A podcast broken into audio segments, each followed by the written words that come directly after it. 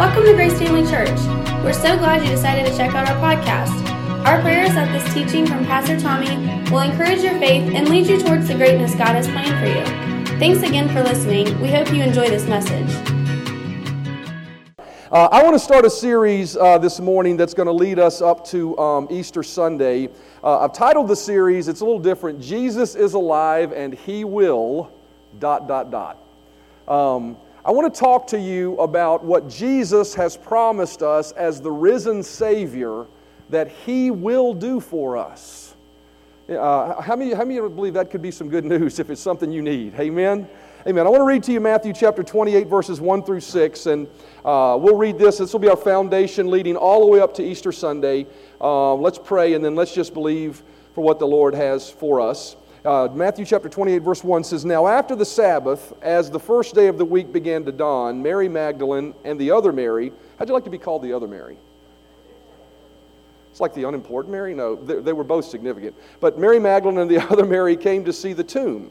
And behold, there was a great earthquake, for an angel of the Lord descended from heaven and came and rolled back the stone from the door and sat on it. His countenance was like lightning, his clothing as white as snow. And the guards shook for fear of him and became like dead men. But the angel answered and said to the woman, Now here's something that I realized as I read this. I never really recognized this before. These two women were there when the actual stone rolled away. That's what this says. Could you imagine that? They were there to feel the earthquake, see the stone roll, and an angel sit on that stone. That, that, that's un, almost unfathomable to me, but they were there, and the angel said to the woman, Do not be afraid. I think it's so interesting that every time an angel appears, Jesus appears, it seems like the first word he always says to us is, Don't be afraid. Don't be afraid. You know, I, what that tells me is this is that we're sometimes so far removed from what is really spiritual that when something really spiritual happens, it's a shock to us, right? And he, but, he, but he, what he says to us is even though you're so far removed from this, is this out of the norm for you? Don't be afraid. Don't be concerned. He goes on to say, For I know that you seek Jesus who was crucified. He is not here. You ready for these words? He is not here, for he is risen, as he said. Come see the place where the Lord lay. Let's pray before we get started. Father, thank you so much for your word. Thank you that uh, it is full of power. Thank you that it is full of anointing. And I thank you that as I share that word, your anointing has been promised to rest upon me and upon your people as we hear it and as we declare it. And I thank you for you doing just what you said you would do. Thank you for our lives being better, for our hearts being encouraged, and for us be able to say we're better because we came to church today. We're better because we came to worship Jesus. We're better because we came to hear the word we're better because of the people that we fellowship with. I thank you for that, Lord. In Jesus' name, amen. Um, as I said, you know, this, this series is going to lead us right up to Easter Sunday. And, you know, I was really praying about what to do um, during this season where we begin to turn our eyes towards the resurrection of Jesus. And, you know, I think about the fact that, you know, leading up to uh, Easter and even Easter Sunday, a lot of our tension uh, is focused on the cross. It's focused on the fact that Jesus hung on a cross, He died for our sins, He shed His blood for us. And how many of you realize we need to keep our eyes and attention focused on what Jesus did for us on the cross? Amen? Duly so, we need to. I mean, without a cross, our sins would not be forgiven. Without a cross, uh, we would not have complete salvation. Without a cross, there'd be no by Jesus' stripes we were healed. How many of you realize all those things are important to us and, and God, and we should be thankful for them and hold those in high regard? But as I was thinking about this, I thought, you know, the real focus, the core, the crux of what Easter is about is, is not necessarily the cross, but it's really about the resurrection. It's the fact that He is alive, that the stone was rolled away, and an angel actually declared, He's not here, He is risen, He's not dead. Amen? That's what Easter is all about. And as I thought about the message of Easter, you know, I thought about the fact that, you know, Jesus is, uh, He is a resurrected Lord. So many times when we see Jesus, we think of Him as when he walked the streets of Galilee and when he walked by the shores of Galilee and he walked through the streets of Jerusalem. We think about him in that regard. But you know, when we see the risen Lord, we see a completely different picture than, you know, what we see of him in the Gospels. And, and, as I was thinking about that, I thought, you know, Jesus came and, he, and, a, and an angel rolled a stone away, earthquake, rose from the dead, and now we've got this risen Lord. And I really felt like the Lord challenged me that what he wanted me to talk about over the next four weeks is not so much about the cross, although the cross accomplished that. Please understand, you understand what I'm saying, right? I am not diminishing the cross at all, but it's this particular piece, this sliver of the truth of the gospel that I think the Lord wanted me to share, and it's this that Jesus is not a distant God. That God is not a distant God, that he, He's risen from the dead. He is a living, alive Lord. He's the King of Kings. He's the one that holds the, de- uh, the keys to death, hell, and the grave. That is, the, that is the God that we have. That is the Jesus that we should be focusing our attentions on. And He's alive, and He's promised us certain things that He will do to, for us as our risen Lord. And so, and so as I was praying about that, and I, am very, very careful uh, uh, about uh, doing my best to not say the Lord told me to tell you something. Because how many of you realize we can miss it? And, eh, but I want to tell you emphatically that over the last week, the Lord told me these words to tell you. So, I, I, and, and, and you know, I'm a man, right? But I, am just going to tell you what I, I believe the Lord told me to tell you. He told me to tell them, see, he said, Tell them what I told you I would do for them if they believed it. He said, Tell them what I will do for them if they will believe it. Then I will do it. Didn't come out the way I'd hoped.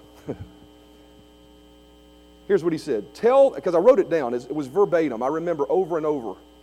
Tell them what I told you I would do for them, and if they believe it, I will do it. So, what is it that Jesus said that he would do for us? Today, I want to talk about just two things. And I will tell you, the things that he told me, when I first heard them, I thought, really? You want me to tell him that? Um, you know, I would think he, you know, uh, uh, it, it, it, some of the things he'd, you know, want me to tell him are things that would cause you to run out of here with your hair on fire and jumping up and down and shouting. but I believe the crux of what we're going to say today is truly something that will help your life. And so I want you to notice the first thing Jesus told me to tell you he would do for you, and if you believe it, he will do it, is this. Number one, he will meet you as you serve him and accomplish what you are doing.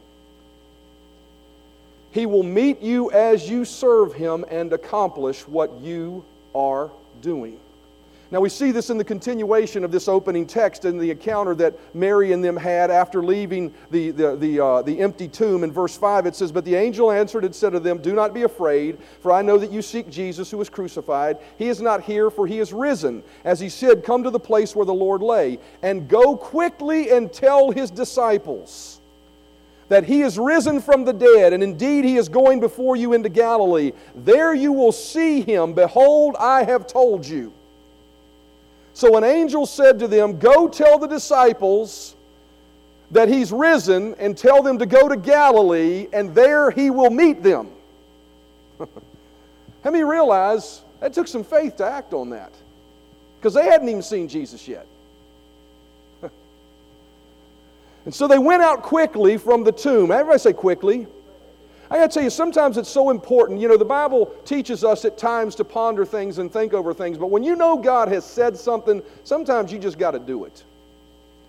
And it says, And they went out quickly from the tomb with fear and great joy and ran to bring his disciples word. Now, verse 9 is the part I wanted you to focus on because this is what the Lord did for these two ladies.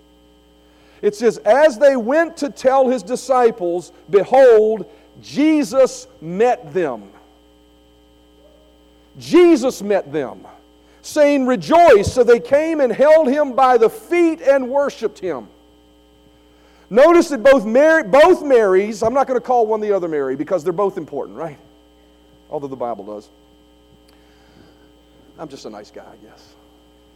Maybe Mary will thank me for that one day. Notice that as both Marys went to do the work of the kingdom, Jesus met them in their obedience. So, the first thing Jesus told me was this as he expounded upon this in my heart as I prepared this series of messages for you is this is, is if you'll seek to further his kingdom as the pursuit of your life, he will meet you in the doing of it. if you will seek the furtherance of his kingdom, because that's what these ladies were doing, right? They forgot about everything else and they were running to tell them Jesus is alive. And in their pursuit of the command to further the kingdom and follow after him, Jesus said, I will meet you. He, this is what he did for them, and he's no respecter of persons. He met them in the doing of it. Now, now I want you to understand something that it's important to recognize that when he says he will meet you, it's important to recognize what that word meet means. For the believer today, I mean, we have the promise that Jesus said that He would always be with us. In Hebrews 13 5, He said, I will never leave thee nor forsake thee. So we have that truth.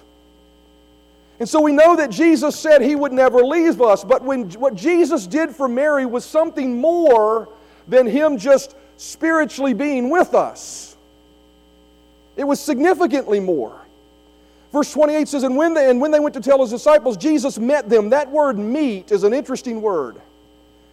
I'm telling you right now, the Lord told me this to tell you.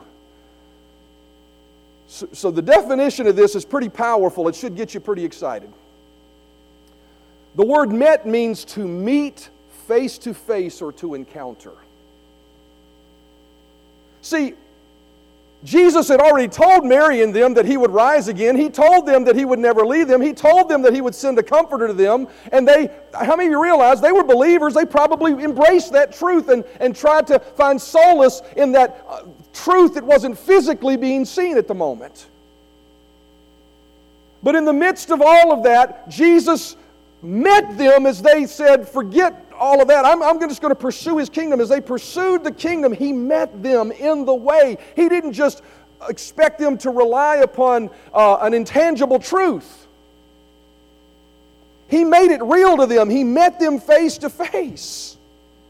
This is so different than having a mental awareness that He's always with you or, and Him manifesting Himself. This is about Him manifesting Himself to you by the power of the Holy Spirit. It's about divine moments of real encounters with a real and living Savior.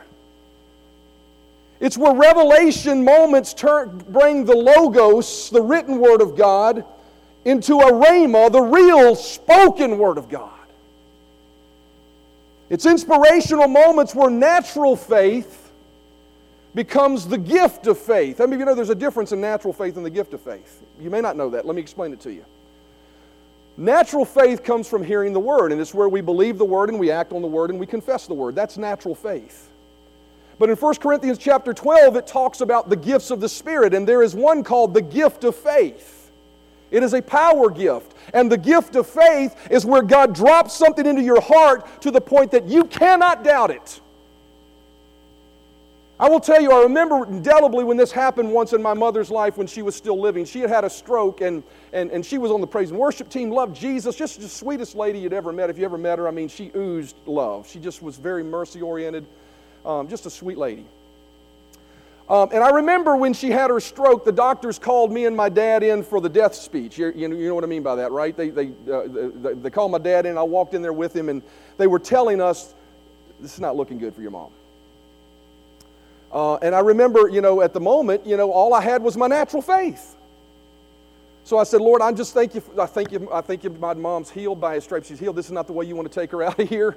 You know, you're not a part of that. You know, this is attack from the devil. So we're confessing she's healed. That's that was just natural faith. But how many you realize your mind's racing, your emotions are racing? And so, uh, you know, as as we progressed through that moment while we're at the hospital, we walked into the room and uh, at, at, one point, she woke up and um, they asked her what, you know, um, we had put balloons in her room and they pointed at the balloons and asked her what they were, and she said, It's a stylus. you know, a pencil. I'd never heard you, heard you or even use the word stylus before. So, how many realize all that happening, and in my mind, me standing on the word that my mom was healed, that's, that's, a, that's a fight of faith, right? But I'll never forget this. As I was driving home from the hospital, and I was driving, I can t- take you right to where it was at. I was driving up Hunt Ridge over in, how many of you know where Hunt Ridge is over on 460? I was driving up that road, and about halfway up that road, I heard the Spirit of God, the Spirit of God, Jesus, show up and meet me in the way and say these words to me She will live and not die. I didn't hear it with my ear. I didn't hear it indelibly. He didn't sit in the car next to me, but it was a moment where he made himself real to me. I didn't fabricate it, it just happened. And I can tell you from that point forward, I could not doubt it. It was a gift of faith at that point. Because natural faith, you have to deal with natural you, right? But this was something in me, even if I tried to doubt, I was like, no, she's going to be all right. And she was all right. She fully recovered to the point that the doctor said, you know, when, when they looked at her, some of her scan stuff that they said would never come back, it would completely come back. So there's a difference in faith and, and, and natural faith. And, and my point is this is God has not called us to live our lives independent of Him interacting with us and bringing what we believe to life in our lives. And what Jesus wanted me to tell you today is if you will spend your life focusing on serving Him and following Him and being obedient to Him, He will meet you and make Himself real to you. The latter that we've talked about here is what Mary had. Now, for Mary, this meeting of Jesus was Himself appearing to her. He actually appeared, and it said both Marys, you know, they knelt down and held His feet. For the believer today, our meeting of Jesus is actually meeting the Holy Spirit and the tangible presence of Jesus. The Bible tells us that he that descended also ascended, right? Jesus, he's seated at the right hand of God the Father. Physical Jesus is in heaven, seated by the Father, waiting for the day that he says, Time to go get your bride. How many believe that's coming soon? You know, it says, as it was in the days of Noah, so shall the coming of the Son of Man be. I got to tell you, a lot of the craziness that was going on in Noah's day is happening right now. You know, you got crazy things happening. I won't go into political, just, just crazy stuff. Amen. And so he's coming back one day, but he's seated at the right hand of the Father. So when we as believers meet Jesus on the road of obedience, it's actually the Holy Spirit, the power that brooded over the face of the deep. And when God said, Let there be light, he struck light. We meet that person face to face. John 14, verse 16, Jesus said, I will pray the Father, and he shall give you another comforter that he may abide with you forever. I will not leave you comfortless. Notice what he said. He said, I'll give you a comforter, I will come to you. See, they are so much one and the same that when we meet the Holy Spirit, we're meeting Jesus. There's so much eh, eh, there's so much one, two distinct individuals, but the Holy Spirit we meet. And, and, and, and so, what I guess what the Lord wanted me to share with you today is that if you will be obedient, and believe this with your heart I will meet you and make myself real to you. Do we recognize the value of that promise? To not have our faith built upon a theory or a belief system, but to have it built upon a tangible, real relationship with the one that is greater than all, the one that is living, that's not dead, that is alive, that holds the keys of death, hell, and the grave. Do we recognize the value of it? You know, as I thought about that, I thought about the old hymn that I used to sing in my Baptist church growing up as a Baptist little boy. The song He Lives. How many remember the song He Lives? I serve a risen Savior. He's in the world today. I know that He is living, whatever men may say. I see his hand of mercy, I hear his voice of cheer, and just the time I need him, he is always near. He lives. He lives. Christ Jesus lives today. He walks with me and talks with me along life's narrow way. He lives. He lives salvation to impart. You ask me how I know He lives. He lives within my heart. You can't sing that song with conviction if He hasn't made Himself real to you. You know, I, th- I thought about this as I was just, just as I was standing up here before I began to go into this, as you guys were fellowshipping, and we all have this yearning. I think about even praise and worship, and we have this yearning, this burning desire to experience Him. That is a God given desire that is innate in the heart of every human being, even the lost person. There's a part of them, there's a God shaped hole that craves to meet its Creator. And God would not put that in our heart to leave it unsatisfied. Now, there will be a day when we see him face to face and we'll be changed in an instant because when we see him, we'll be like him because of who he is. Amen. What a day that will be. But while we're here, I believe that Jesus wants me to assure you this morning that if you will be faithful to walk along life's narrow way, He will make Himself real to you. So that you're not just believing a theory, but that so you'll have moments in your life where you can look back and you can say to anybody, you can say whatever you want, but I have met Him. I have met Him. I'm reminded of times in my life where I've met Him, where He showed up on the path of obedience for me, where He made Himself real to me, and those moments change a person. And so, I, and so I really felt like the Lord was saying that it's, it's important for you to recognize that, that as you invest in His business, He will make your business His business. Amen. As you serve Him, He will meet you. So it begs to ask the question are we committed to what's important to Him? Are we committed to His calling? Are we committed to His purpose? Is our waking moments, no matter what our occupation is, no matter what we do, permeated with this thought Lord, I want to further your kingdom. Lord, I want to, I want to do what Mary and Mary did. I want to go tell people that Jesus is not dead, He is alive, and He's a real and living Savior who can touch your life. You know, I think about what we did yesterday. We weren't just bringing a thought, we weren't just bringing a concept, we were bringing the truth of the gospel that Jesus is alive. Now, here's the interesting thing he also said to me along, the, along those lines. And we see it further as we move through this story that, of the Marys and the resurrection. Matthew chapter 28, verse 9 and 10. It says, And so they went to his disciples to tell his disciples, Behold, Jesus met them saying, Rejoice. So they came and held his feet and worshiped them. Then Jesus said to them, Do not be afraid. Now, now Jesus is telling them this, right? Now it's not just the angel. Jesus is telling them this Go and tell my brethren to go to Galilee, and they will see me. I want you to think about that for a minute. They had to go stand before the disciples in a culture that probably elevated men a little higher than women in the first place. Not right, but they did. And they had to tell these guys, we saw Jesus and you didn't. And he told me to tell you, what do you mean you're telling me to do something? Go to, go to, go to Galilee and he'll meet you there. Now, how many of you realize there's a risk in that? What if he doesn't meet them there? How many of you realize that whenever Jesus asks us to do something in obedience to the kingdom, it always comes with a promise, it always comes with a result? He says, lay hands on the sick, and what? They'll recover. Right? He tells us to preach something, he tells us to do something, there's always a promise on the end of it. And that promise, if we look at it naturally, there's a risk involved in it that what if it doesn't happen? And fear can try to sit in, and doubt can try to set in and cause us to not go. These women could have said, Well, Jesus told us he'd show up, but what if he doesn't show up? We're going to look like a bunch of idiots. They're just going to think we're two crazy, distraught women that miss Jesus so much that we had some sort of crazy, you know, psychotic moment. But Jesus made the promise that he would deliver the result based on their obedience.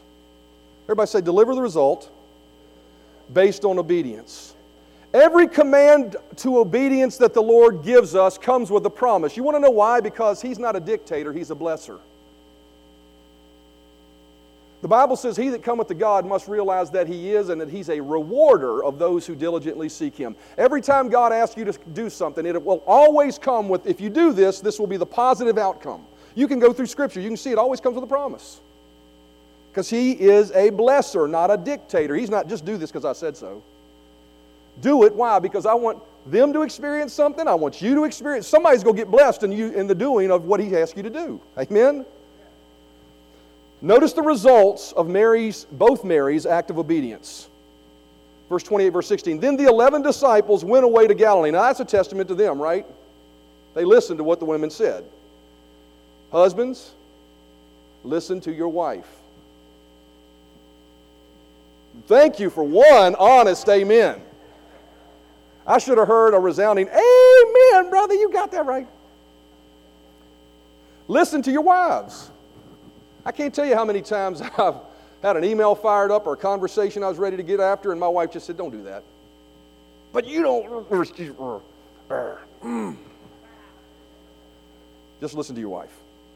These women were right.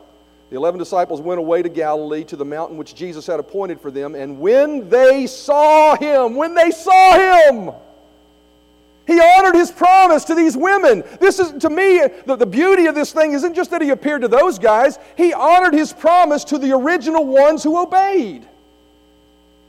Jesus said, You go tell them, and I'll meet them in Galilee. They told him, they went to Galilee, and Jesus did what he said he would do. He showed up and he honored his word. He performed the promise based on their obedience. So here's Jesus' second part of that promise that he spoke to my heart for this morning. As you live in obedience to him, the performance of his promises are not on you, they are on him. Boy, that's an easy place to live.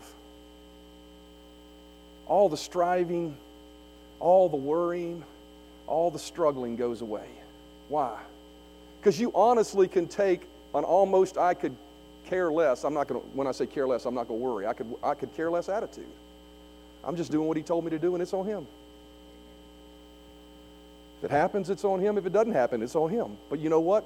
What, he, what we see in the Word is, is that he's faithful and he can be trusted. Hebrews chapter 10 and verse 23 says, Let us hold fast the profession of our faith without wavering, for he is faithful that promised. If he told you to do something and this would be the result, then guess what? It is going to happen if you'll stay obedient. It will happen. Philippians, the only way it won't happen is if you quit. If the disciples had not decided to make the full trip to Galilee and had stopped halfway, guess what? Wouldn't have seen Jesus. Philippians 1 6 being, says this, being confident of this very thing, that he who has begun a good work in you will complete it. Not might complete it, not maybe complete it, not you got to complete it, not you got to manipulate to make it happen, not you got to perform a certain way for it to be delivered. It says if he began it, he'll finish it. That's why he's the author and the finisher of our faith. That's why he's the first and the last, the Alpha and the Omega, the beginning and the end. He will do it. God is faithful to every promise He has ever given you. And this tells me two things. If we want God results, just do what He told you to do and nothing more, nothing less. we see this in the first miracle that was performed in Jesus' ministry. You know, the first miracle was the turning of the water into wine, right? you know, they, they were at a wedding and, and the water was, you know, they ran out of wine and they didn't have enough wine and and, and Mary, I guess, must have, uh, uh, maybe my Bible history is not what it should be, but Mary, I believe, she, somehow she knew the bridegroom and all that stuff, right? And so she came to Jesus and she said, They're out of wine, Jesus. And Jesus said, Well, you know, it's not my, my time yet, but how many of you know moms can be persistent? Listen to your mama, too, teenagers. And so Mary said these words. It is the recipe for miracles. You want a recipe for a miracle this morning? Here it is, right here. Jesus' mother said to the servants, Whatever he says to you, do it. It's pretty simple. Whatever he says, just do it. Peter, get out of the boat, and you'll walk on the water. Right? Mary, go tell the disciples to go to Galilee, and they'll see and they'll see me. See, whatever we do, whatever Jesus tells you to do, just do it. Don't try to fabricate it. Don't try to make. I, I got to tell you, I'm so appreciative that I grew up under my pastor. You know, if any of you had the privilege of sitting under Wyatt Brown or, or him coming to minister here, I'm so grateful to him because he is just real. I watched him when he prays for people. He, he doesn't, oh, in the name of, you know, all the stuff you see on crazy television shows and everything. And I'm not judging them. That may be the way God led them to do it, right? But he just walked by people, pray for them, and they just get healed. Why? Because he's just doing what Jesus told him to do. Jesus' mother said to the servants, Whatever he says to you, do it. The recipe for miracles is real simple a couple of obedience and a mustard seed of faith.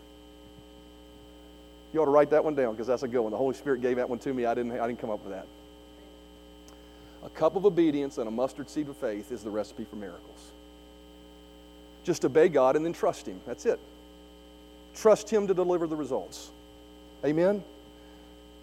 What else does that tell me about this promise that if you will be obedient, I'll meet you in the way and I will perform the promise tied to your obedience? As the musicians come, I want to give you the last piece of this is this. The delivery of the results of your obedience is 100% on Jesus and 0% on you. Sort of like the other one. Mary just did her part and trusted Jesus that would do, the, both Marys did their part and trusted that Jesus would do his. Matthew chapter 28 and verse 16. Then the eleven disciples went away into Galilee, in the mountain which Jesus had appointed to them, and when they saw him, he showed up. They worshiped him. No fabrication, no fabrication. Everybody say fabrication. No fabrication or deep place that Mary went and set up for them to experience. You know, we got to get the lighting right here on Mount Galilee because they're coming. We got to have just the right songs prepared in just the right order. We got to say just the right thing. And if I don't feel like I said the right thing, I got to say a bunch extra to try to get people to something. Right? No, they just said, we're going to do what Jesus said and let him do his part. The recipe for miracles in our life, and I think this is what the Lord really wanted me to challenge you to believe this morning was is if you'll just step out and be obedient to whatever it is, be obedient to whatever it is He's asking of you in your heart in this moment about your life, whatever it may be, and give the rest to Him the promise of the blessed life that He's promised you and the results and impact that your life can have upon others will come to pass. He will meet you. What did, it, what did Jesus tell me to tell you again? He will meet you as you serve Him and accomplish what you are doing. Matthew 28 and verse 5 says, But the angel answered and said to the woman, Do not be afraid. For I know that you seek Jesus who was crucified. He is not here, he is risen. Jesus is alive. He is here to honor His word. He is here to fulfill His promises. He is here to do what He said He would do. And all He asks of us is simply to walk in obedience. I'm not talking about being perfect, I'm talking about just doing what you have in front of you to do whether it's a calling, whether it's telling people about Jesus, whatever it is, just walk in obedience and give the rest of it to Him because He will meet you in the way, first of all, and make Himself real to you. I really felt like this morning as I was preparing this, there may be some here, you've never had an encounter with Jesus. An encounter. I remember my first encounter with Him. I, I, I was born again when I was five years old. And that was a moment I'll never forget. I remember where I was standing. I remember it as a five year old. It's crazy. I still remember it 51 years later. But at 12 years old, I had an encounter with the person of Jesus through the power of the Holy Spirit at a camp. He made himself real to me. I remember he was so real to me. At that time, all we had was payphones. How many remember what payphones were? I called my mama and I could hardly even talk through the tears and the crying and the weeping because he made himself real to me. This Jesus, the God of the universe, showed me the power of his Holy Spirit and made himself real to me. Listen to me, if you crave that in your life, that's not a bad thing. That's not a lack of faith. That's not any. I know Jesus said, Blessed are those who have believed and not seen. But that's the element of it, right? You'll be blessed because you believe before you see. If you'll believe that He will do what He said He would do, I don't know whether it'll be this morning. I just got to be real with you. I'm not going to try to fabricate a moment. I'm not like that. I will never do that. I don't know if it's this morning he makes himself real to you, if we the Lord leads to an altar call potentially, or if it means that you're riding up a Hunt Ridge Drive or whatever the road is you're on, and he gets in your car and makes himself real to you, like he did with Trey on his back deck. It's a life-changing moment. And I'm just telling you right now, Jesus told me to tell you these words. I want to get them right this time because they're His words, they're not mine. He told me to tell you this. Got to find it. You would think I'd know it. but I don't want to mess it up. It's that important to me. If you will seek to further His kingdom as, as the pursuit of your life, He will meet you in the doing of it and perform the doing of it. Father, I've done my best to just lay it out there, unload the wagon you gave me to unload today. Every head bowed, every eye closed, no one looking around. If you're here this morning and you've had moments with Jesus and you just crave more of them, I'm telling you, He's promised you keep being obedient, keep being faithful. I will meet you, I will make myself real to you. Not just a thought, not just a theory, but a tangible moment in your life that you'll be able to look back to and say, I am not ashamed of the gospel of Christ because it is the power of God unto the salvation of my life that my faith would not stand in the wisdom of men, but in the power of God. He wants to make himself real to you. Trust him for it today. In Jesus' name. Thanks for listening to our Grace Family Church podcast. We hope you enjoyed this message. If this ministry has blessed you in any way, we would love for you to get connected. Just go to gfcva.info for more information about who we are, how to give to this ministry, or how you can get involved. Thanks again for listening, and we hope to see you soon.